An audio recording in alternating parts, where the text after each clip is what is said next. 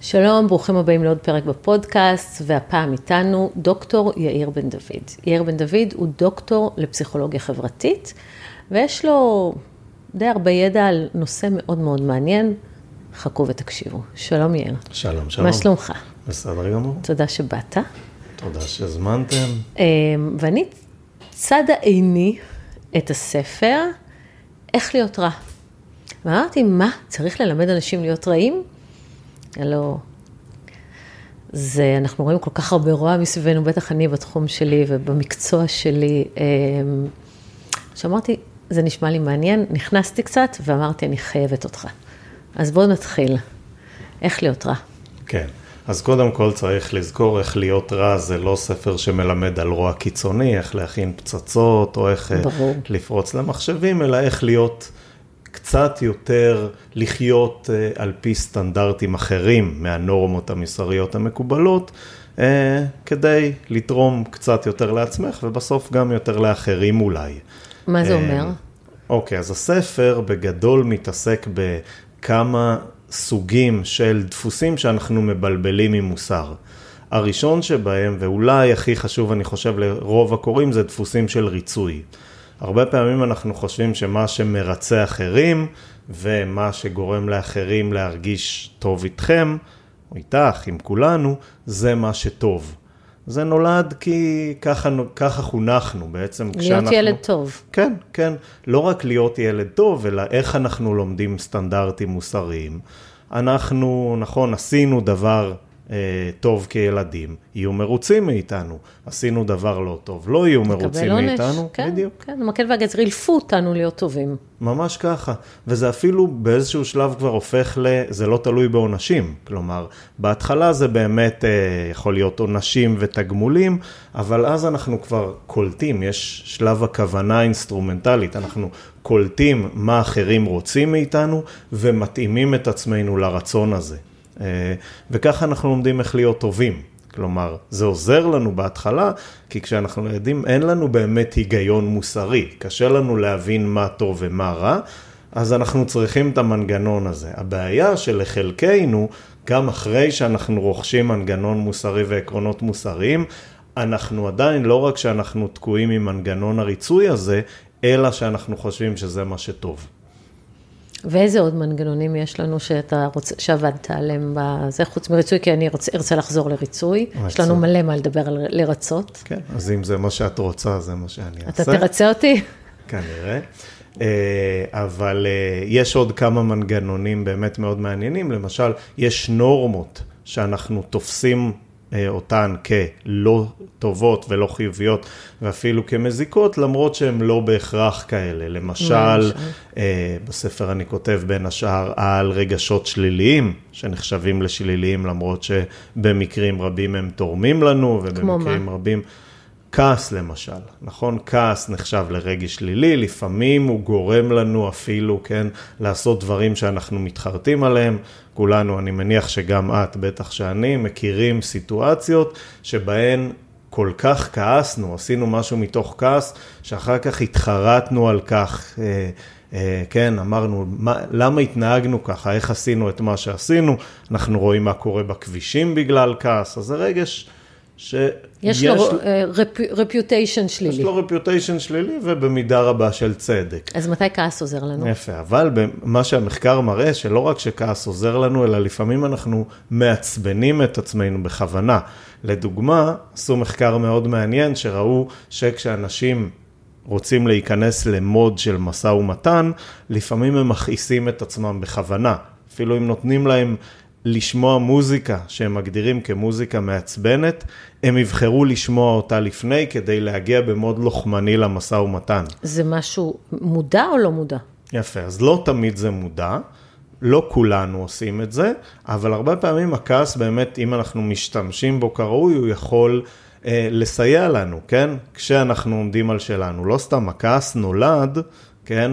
כדי שנעמוד על שלנו, כן? נניח, כן? בשבטים קדומים, שבט אחר, או אפילו אצל בעלי חיים, חיה נכנסת לנו לטריטוריה ורוצה לקחת את המשאבים שלנו, אנחנו, אנחנו כועסים. חייבים את הכעס כדי להתמודד איתה. ולפעמים, כן, כעס יכול לעזור לנו לעמוד על שלנו.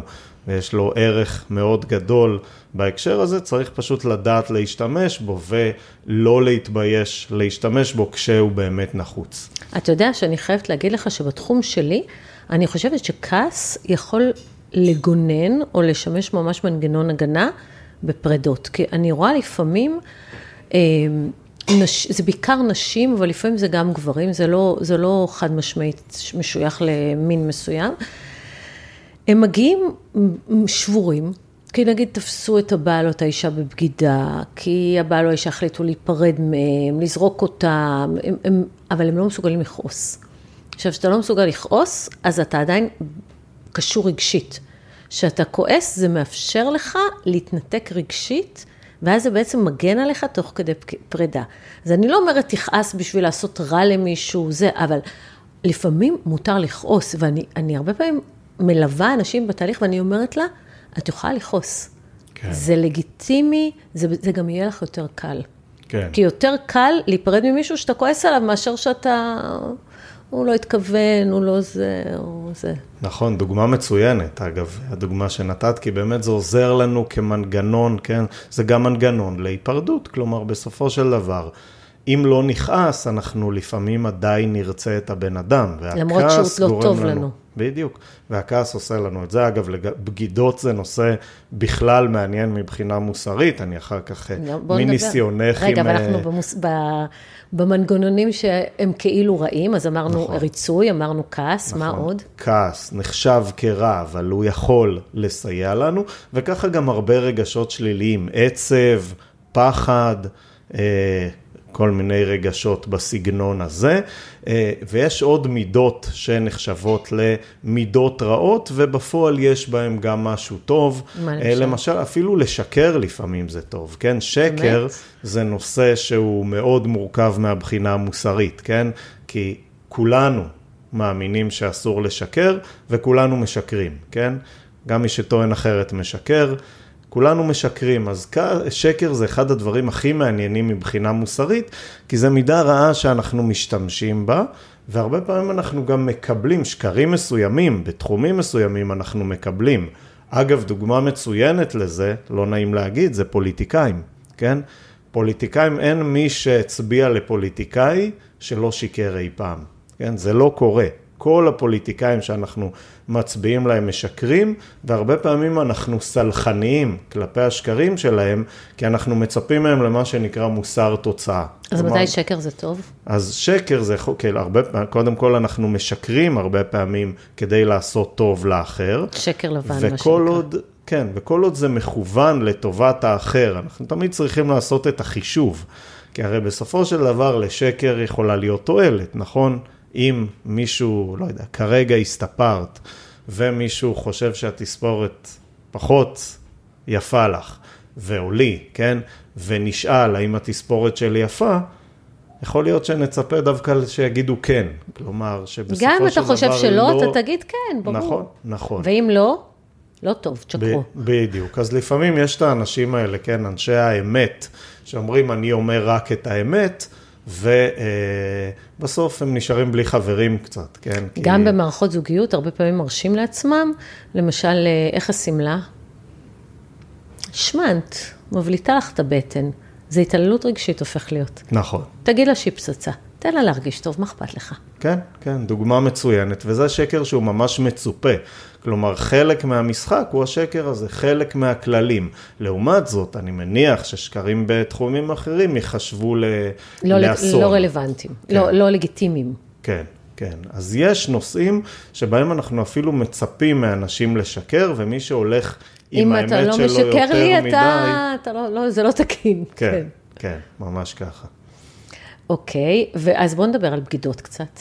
אוקיי, פה זה נושא שאני לא מבין, הוא מאוד חידתי בעיניי. למה? כלומר, כי זה נושא שלא, יש הרבה נושאים, כמו שאמרתי, שקרים, זה נושא מאוד מאוד מעניין, כי הוא, הוא מאוד מורכב מבחינתנו. אנחנו אומרים, אסור לשקר, אבל אנחנו משקרים, כן? כל הזמן. בגידות זה אה, אה, חידתי בעיניי, כי הרבה פעמים, כן, נגיד, אם היו אומרים לך מועמד שאת מצביעה לו, כן? בגד באשתו. יכול להיות שתמשיכי להצביע לו.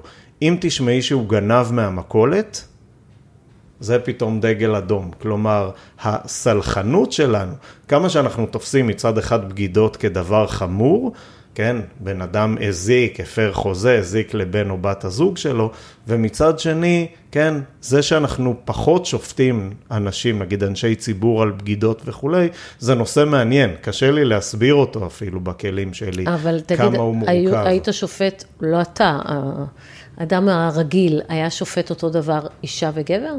אני חושב שלא. שלא, נכון? אישה זה הרבה יותר גורם מבגדי זונה, וגבר הוא גבר, יש לו צרכים. נכון. זה נכון. נורא.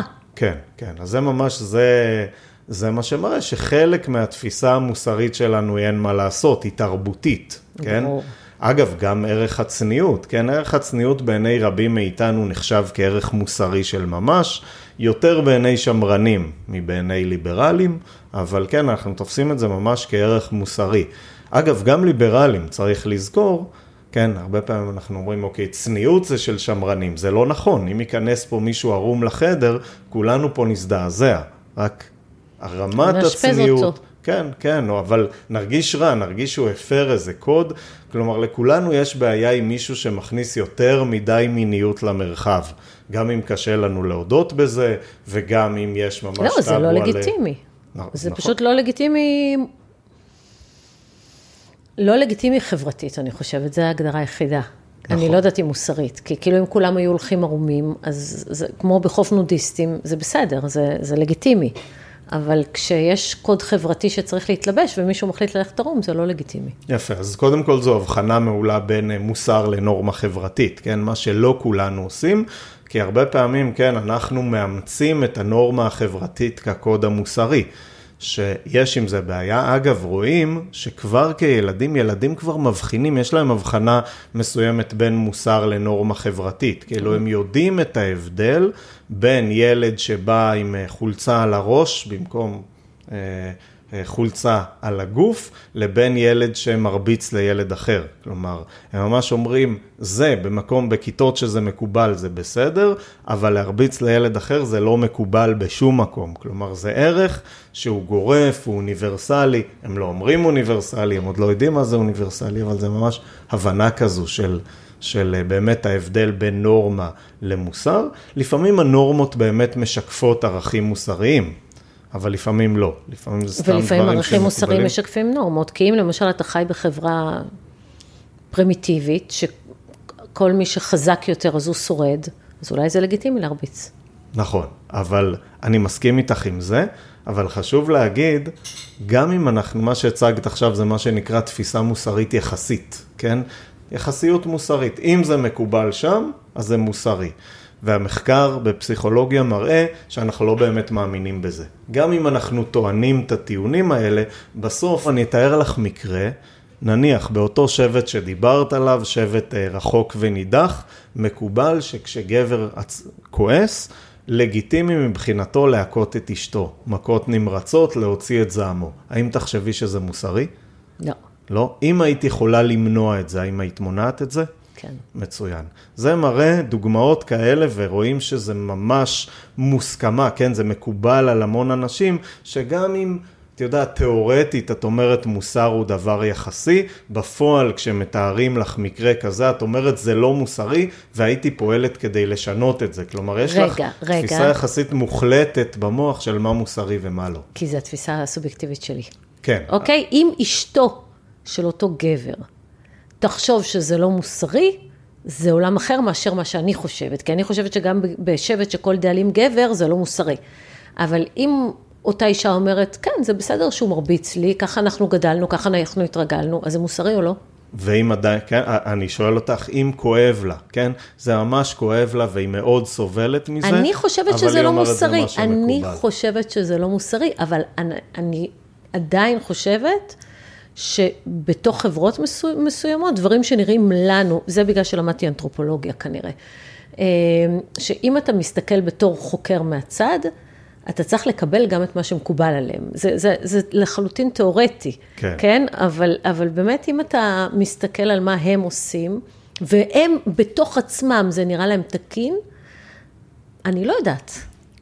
כן, לא יודעת אם זה מוסר אוניברסיט... אוניברסלי או, או אתה יודע. נכון, אז, אז באמת סובייקטיבי. באנתרופולוגיה, כשאנחנו באים, שלא אנחנו, כן, אנשים שעוסקים באנתרופולוגיה באים לחקור, הם באמת מאמצים גישה כזו של אני לא שופט. כי אם הם ישפטו, זה יטה את צריכים, ל... הדיווח נכון, שלהם. הם צריכים לתאר בדיוק מה קורה. נכון, אבל זה אנתרופולוגים אז עכשיו וחוקרים. אני רוצה לשאול ואת אותך. ממש מתייחסים למוסר עמוק בתוכנו כאילו הוא מוחלט. רגע, כלומר, אבל אנחנו זה ממש שלנו. תופסים אותו ככה. יואו, נכון. אני ממש מתווכחת איתך, אני מצטערת, אבל... לא, לא, אה, זה הכי, זה הכי מעניין. הכי מעניין. כן. תשמע, אני אתאר לך מקרה אחר. אמ, בגידות, מוסרי? אה, את שואלת את דעתי, אני חושב שלא. אוקיי. ואם למשל בני זוג מחליטים שהם פותחים את הנישואים, האם זה בגידה? את משנה פה את החוקים. בגידה זה הפרה, חלק מהבגידה זו הפרת האמון. אוקיי. נכון? ביחסים פתוחים זה לא בדיוק בגידה. אז מי שאת יודעת, אנשים שמטעמים דתיים או מטעמי מוסר שיותר שמרני, תומכים בשלמות המשפחה, יגידו גם עם זה יש בעיה. אבל האם זה בגידה? הוצאת פה את המרכיב המרכזי שבבגידה, שזה הבגידה באמון, נכון? הבגידה בהסכם. רגע, אז, אז אני. לוקחת אותך לעוד מקום. מצוין. אז בגידה, לכאורה, זה לקיים יחסים אינטימיים עם אנשים שהם לא בני הזוג שלכם, ואתם לא יודעים על זה.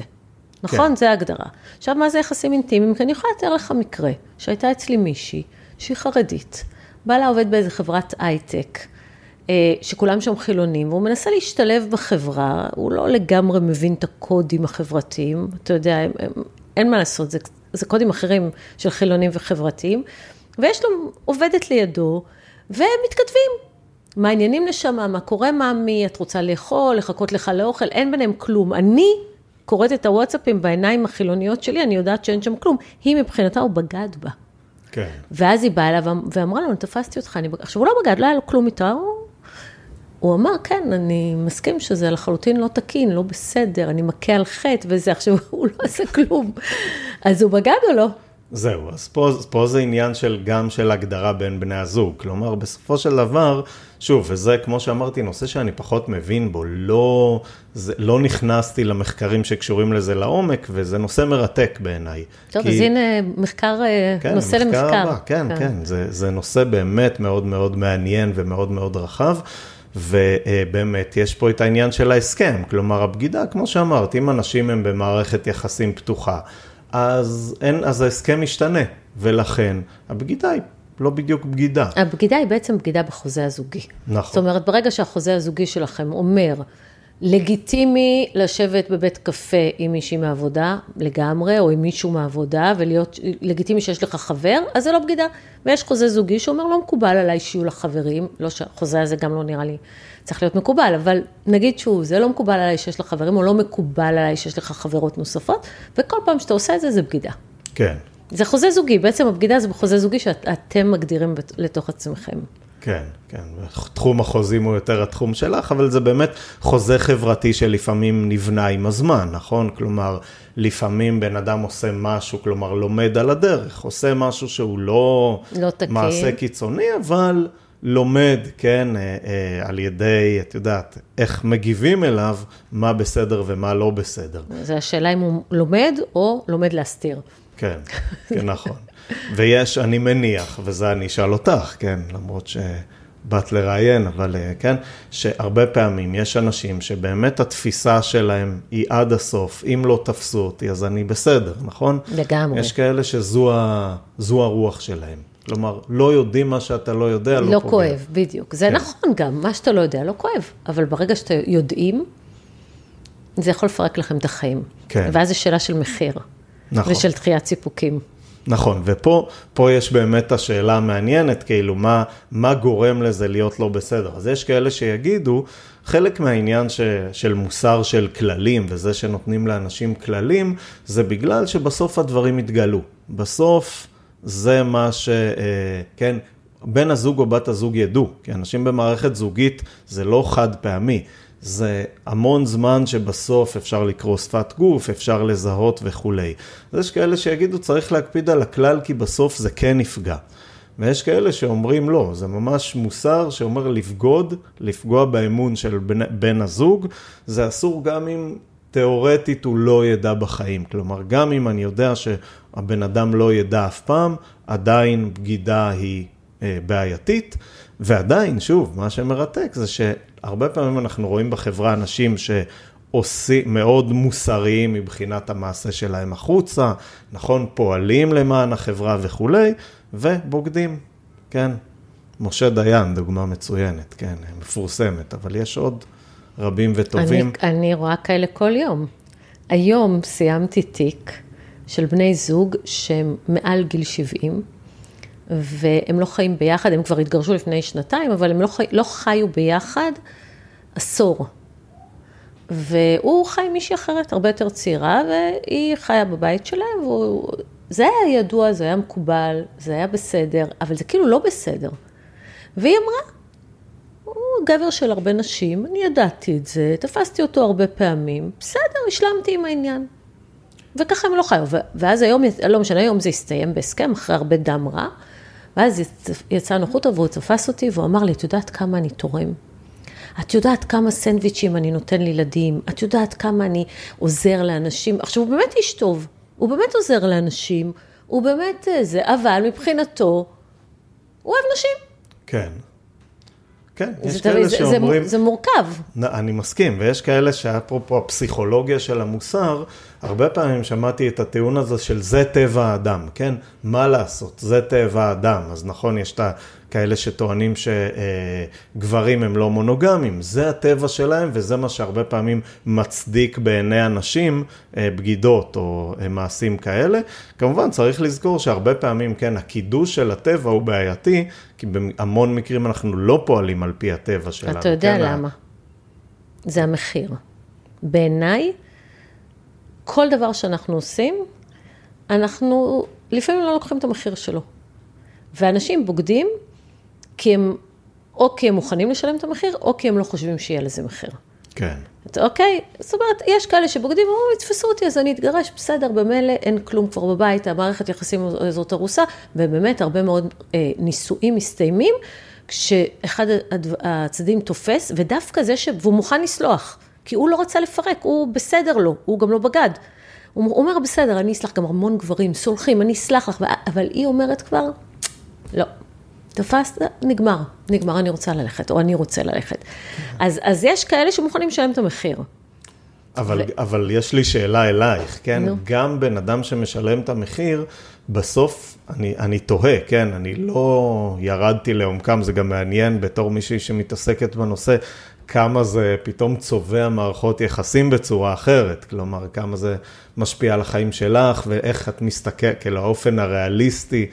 מדי אולי שמסתכלים על מערכות יחסים, אבל באמת מי שכן חווה בגידה כזו, בגידות סדרתיות, יכול לחזור לנישואים רגילים ולהגיד, אוקיי, ככה זה ואני בסדר, או שהוא סובל אבל שותק מפחד לאבד את מה שיש לו? זה, זה קודם כל זה תלוי. יש כאלה שהמחיר של אובדן הנישואים הוא כבד מדי, ובשביל לא לשלם את המחיר הזה, הם מוכנים לסלוח.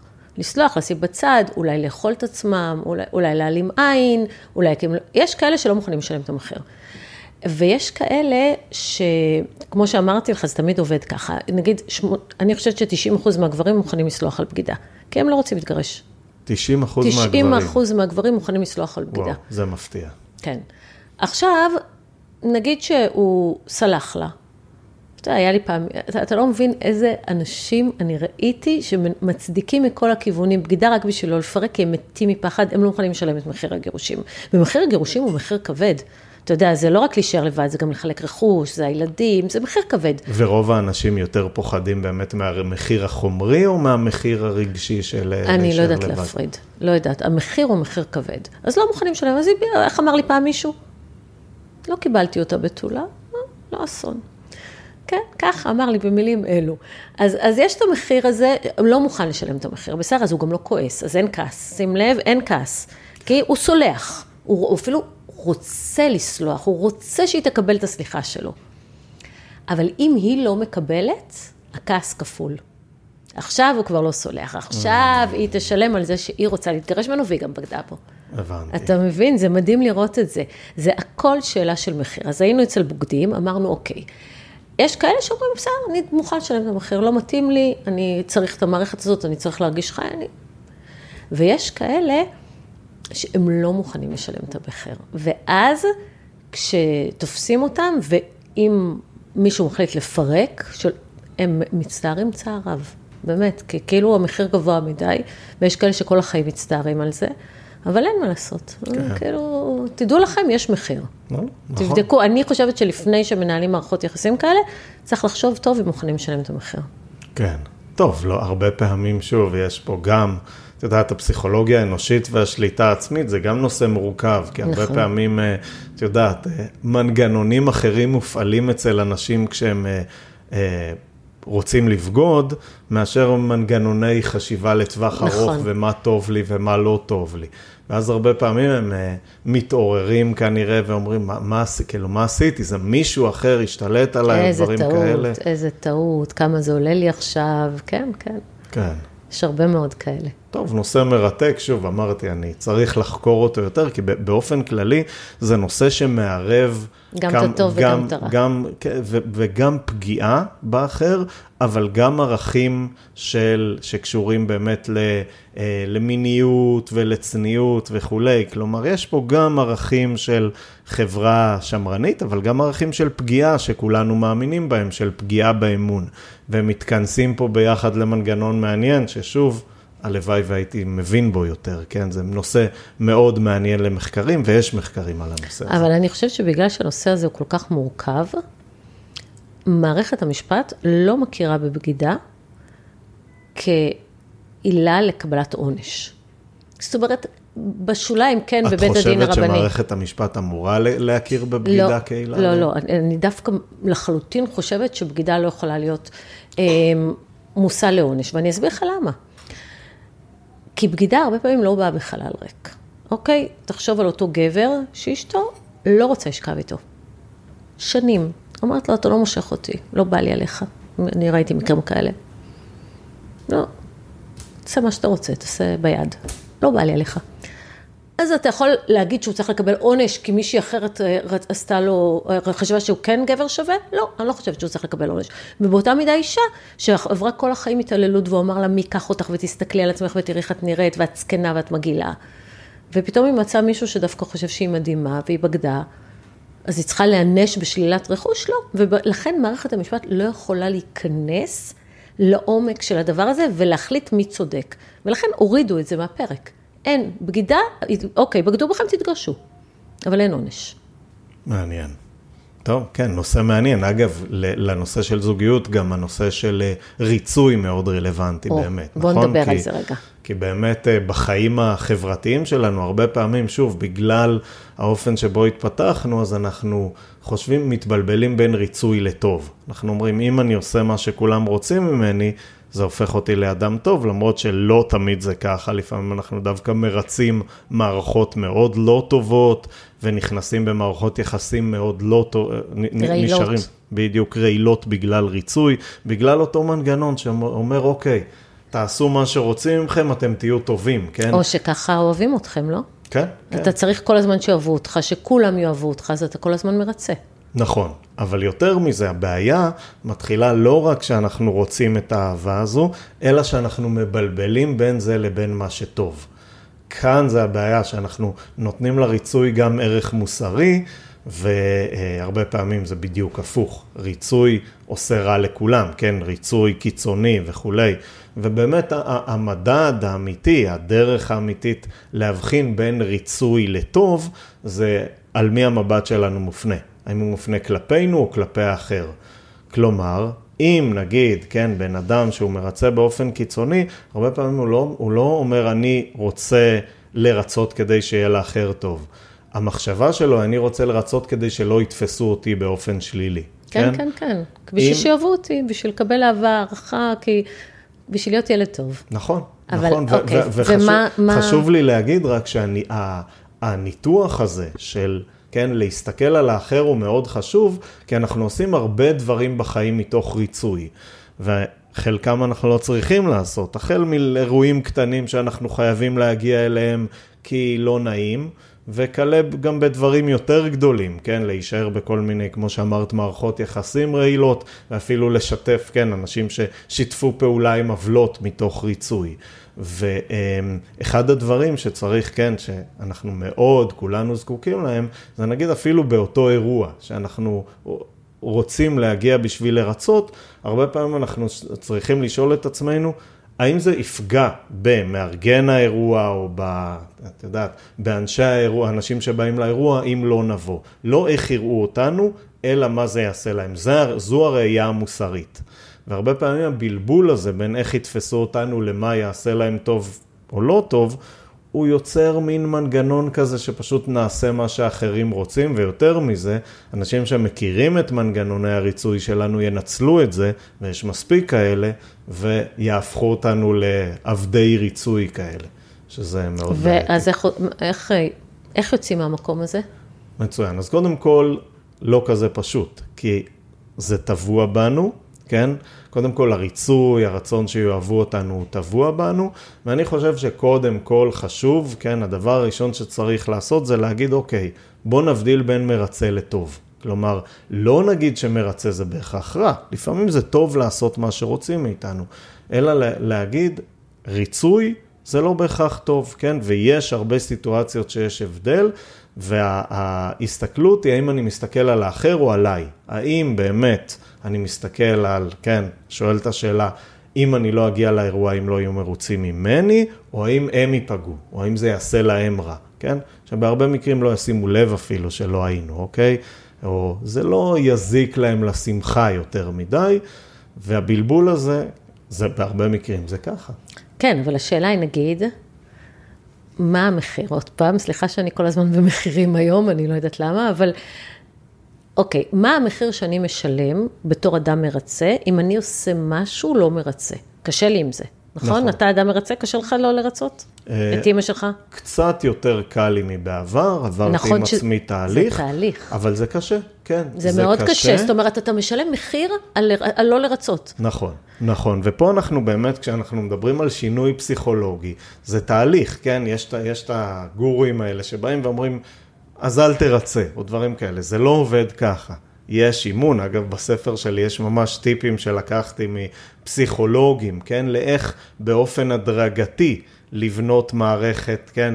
לחנך את עצמנו לרצות פחות, לא לא לרצות. זה בעצם לשים גבולות, לא? בין השאר, כן, אבל גם לשים גבולות, כן, להגיד, כן, כשאת באה ופועלת בניגוד למנגנונים הפסיכולוגיים שלך, וישר אומרת קשה. לא על הדברים הכי גדולים, זה מאוד קשה. אבל אם באמת את מתחילה בדברים הקטנים ובדברים הברורים ואפילו מאמנת, כן, יש ממש שיטות אימון כאלה, אה, ומסתכלת באמת וחיה עם ה... לפעמים חרדה הנוראית של מה יקרה אם לא יהיו מרוצים ממני וכולי, אז ממש, האימון הזה בסוף עוזר, כאילו האימון הזה בסוף עושה את שלו, והרבה פעמים הריצוי גם גורם לאנשים לא להיות הם, וכלומר להביע הרבה פחות את עצמם, ואז פתאום אחרים פתאום אומרים, אוקיי, יש פה בן אדם, מעניין, הוא מבטא את עצמו יותר, הוא, הוא לא מראה לא את עצמו יותר, ודווקא בסוף מרוצים ממנו יותר, נכון, כן? יותר מעריכים את זה. כן, ובמערכות יחסים זו דוגמה מצוינת, שאנשים שמכבים את עצמם מתוך ריצוי, בסוף הצד השני לא יהיה מרוצה. הוא מאבד עניין. כן. כן. הוא לא, לא מאותגר, לא... נכון, וזה מנגנון אגב שקורה המון, גם במערכות יחסים זוגיות, גם חבריות, שכן, שמישהו, בגלל שהוא מרצה באופן קיצוני, הוא מתאים את עצמו כל כך שהוא כבר לא מביע את עצמו בעולם, לא מממש את עצמו בעולם, ואז זה נורא להיות עם בן אדם כזה, כי הוא לא בן אדם בפני עצמו, אף אחד מאיתנו לא היה רוצה להיות עם בן אדם כזה שהוא צל שלנו. נכון, אבל יש כאלה, אתה יודע, אני דווקא חושבת על, נגיד במערכות, ב, ב, בעבודה, במקומות עבודה. עובד שעושה הכל, אז הוא עובד מעולה, מדהים, אבל הוא משלם על זה מחיר. ואתה יודע, בתחום שלנו אנחנו מתעסקים עם אה, אה, אנשים שצריכים אותנו מאוד, ולפעמים הם צריכים אותנו בשבע בבוקר, לפעמים הם צריכים אותנו בחמש בבוקר, לפעמים ב-12 בלילה, ו, וצריך לדעת לשים גבול. ברור שאם זה מקרה חירום, אז אתה תהיה זמין תמיד. גם אם כן. אתה ישן, משהו קרה, מרביצים, יש אלימות וזה, אתה, אתה צריך להיות זמין. אבל אם מישהו קשה לו בדיוק, ואם אתה יכול, אתה יכול לדבר, אבל אם לא, זה בסדר גם לדעת להגיד לא. כן. ו, וזה לא פשוט. ולפעמים... זה לא פשוט לנו בתור עורכי דין, אני יודעת, במשרד הזה, לפעמים אני צריכה להגיד לעורכות דין, לא חייבים לענות ב, על 27 הודעות בשעה אחת בלילה, לא. כן. לא. כאילו, לשים אג, גבול. אגב, לפעמים הלא הזה הוא חשוב בשביל הכן. כלומר, נכון. אם תרצי כל אחד, בסוף לא יהיה לך כוח ולא יהיה לך משאבים נכון. בשביל לתת, לתעדף ולתת דברים למי שבאמת צריך. כלומר, בעצם זה שאת מרצה, את פוגעת באחרים, שכן צריכים אותך.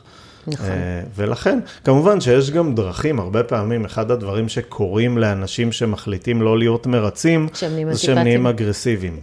אוקיי. אוקיי? שהם הפוך, שהם בבת אומרים... אחת. ממש, כן, כי הם אומרים, אני אלחם בעצמי דרך אחרים.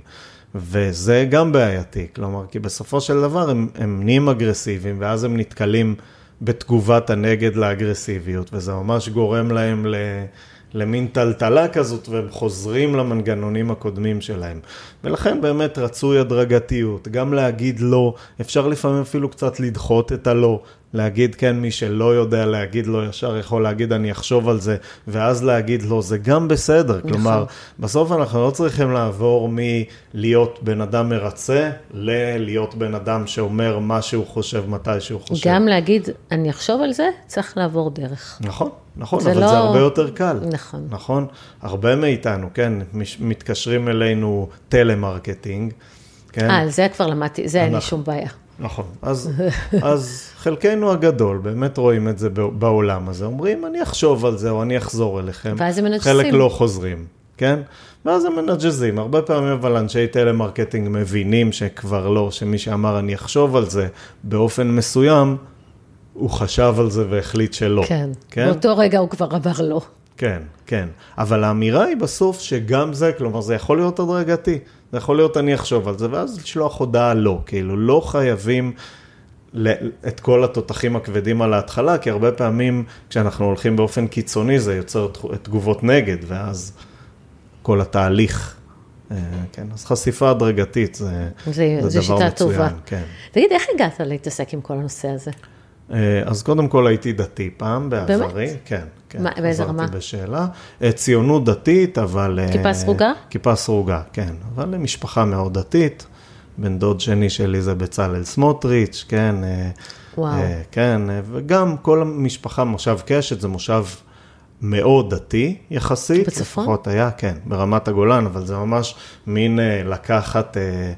אה, התנחלות ולהעביר אותה לצפון. לצפון, ויותר מזה, זה היה ממש מודל מאוד, אה, מאוד אה, חשוב מבחינת התיישבות תורנית. כלומר, המטרה הייתה להביא אנשים לעבוד, אבל שהם גם ילמדו בסוף יום העבודה, לשלב תורה ועבודה.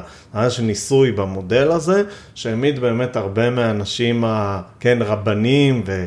אה, מצד אחד ואנשי צבא מצד שני, כלומר זה מודל שבאמת אומץ בהרבה זה, אבל באיזשהו שלב חזרתי בשאלה והמערכת המוסרים שלי השתנתה.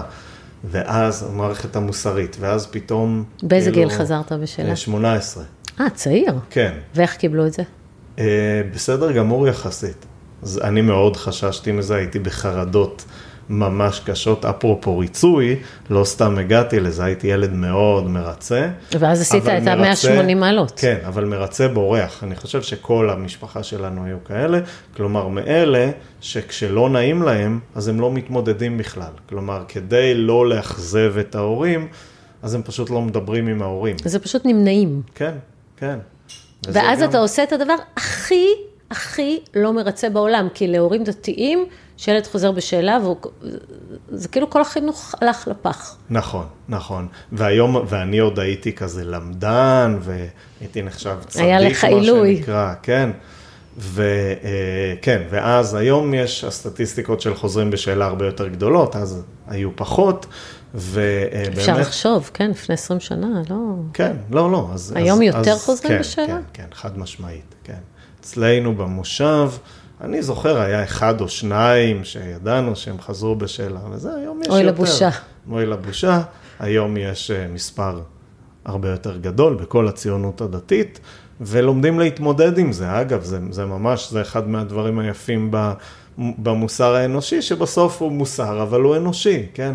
הורה היום יודע, כן, הוא מקבל המון חשיפה לחזרה בשאלה, ואומר, בסוף זה הילד שלי, ואני צריך, כן, צריך להיות ביחסים איתו, צריך להיות אנושי, ומאוד, היחס לחוזרים בשאלה מאוד משתנה, אבל גם הם היו ממש בסדר, כן, אה, אה, אה, זה דווקא חיזק, אפרופו, התמודדות עם ריצוי, הדבר הזה דווקא חיזק את הקשר שלנו, כי עד אז הייתי לא אני כל כך, הם מאוד פחדו מה עובר עליי וכולי. ואז בסוף באתי עם איזושהי אג'נדה שלי ואמונה שלי, והיום היחסים שלנו מצוינים. גם בגלל זה, כי כל אחד מביא איתו, מביא את עצמו בכל העוצמה, נקרא לזה ככה. מדהים. אז, כן, כן. טוב, אני חושבת שהיה מרתק. תודה רבה לך. תודה שהתארחת. רבה. ובספר הבא תבוא שוב. כן, כן, אני עוד צריך לחשוב על איך לקרוא לו וכולי, היה איך להיות טוב, איך להיות רע, אז אם יש אה, שמות חדשים או רעיונות חדשים. שאלה על מה הספר. אה, אז קובעים את הספר על פי השם. הבנתי. לא באמת. האם לבגוד? האם להוא, לא, לא, לא, בזה אני לא אתעסק, את זה נח- לא, אמרנו שתחקור את זה. אני אחקור, אבל זה נושא כל כך קונטרוברסלי, שאני אבל זה באמת רב תוהה... מכר. נכון, נכון. הנושאים האלה שקשורים באמת למוסר ומיניות וכולי, הם מאוד מעניינים, אבל הם גם מאוד, שוב, אפרופו ריצוי, להתעסק בזה, זה גם אומר מחיר חברתי. כי זה נושא כל כך קונטרוברסלי, שכל עמדה שתביעי, נכון? אם לא תביעי עמדה, הכל בסדר, אבל כל עמדה שתביעי, תחטוף המון אש. ואז את צריכה אבל לחשוב. אנחנו כבר לא נבהלים מאש. אה, נכון, אני, אני פחות, את אני, את אני מבין שכבר ממש לא, כן. אבל אה, כן, גם לקרוא לספר איך להיות רע זה קצת לא להיבהל מאש, תקשיב, אני קראתי לספר שלי קרמה איזה ביץ'. כן. זה היה מאוד קשה, כן, כן, זה נשמע, זה קצת יותר, אה, קיצוני. אבל אתה יודע שדיין בבית הדין הרבני אמר לי שהוא קרא אותו. שזה מדהים. הדהים אותי. אמר לי. "ניר, את יודעת לכתוב, אני קראתי את הספר שלך. אמרתי לו, אדוני, קראת ספר? כן. אז. אמרתי, אוקיי. מקווה שלמד למרות השם. כן, היה לו מעניין. יפה מאוד. טוב, אז תודה רבה, תודה רבה. ונתראה. ביי.